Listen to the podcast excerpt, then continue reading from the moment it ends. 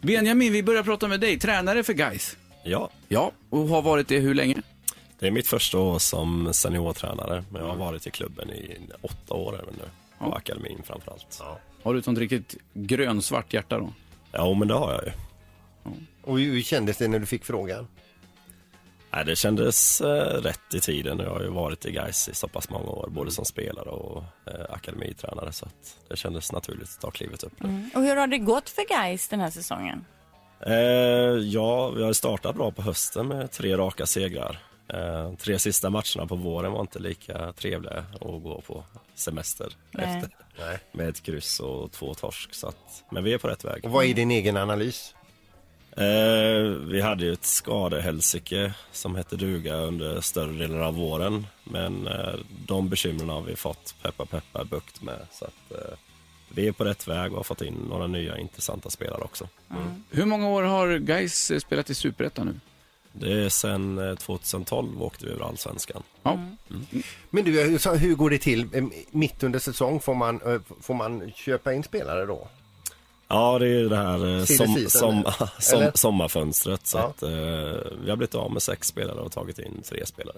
Är det svårt det som, eh, om man tittar på som tränare i Superettan? För jag kan tänka mig att det händer ganska mycket i spelartrupperna där. Mer än vad det gör i till exempel kanske Allsvenskan.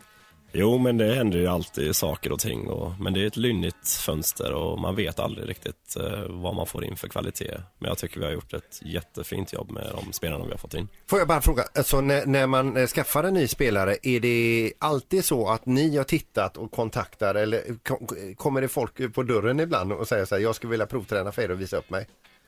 Inte så mycket på sommaren, men november, december så får man ju ett glatt gäng mejl i princip varje dag om spelare som vill testa Det är väl lyckan i. Gais. Jättetrevligt. Vad tror du nu om matchen imorgon mot ÖIS då? Ja, jag tror det blir en underhållande match. Det är två lag som vill spela fotboll och um, ÖIS gjorde en jättebra prestation mot oss i våras. Um, där vår målvakt Tommy Vaiho gjorde en kanonmatch som höll oss in i matchen så vi fick 0-0. Men ÖIS var det bättre laget spelmässigt. Så att vi har revansch att kräva där. Ett poddtips från Podplay.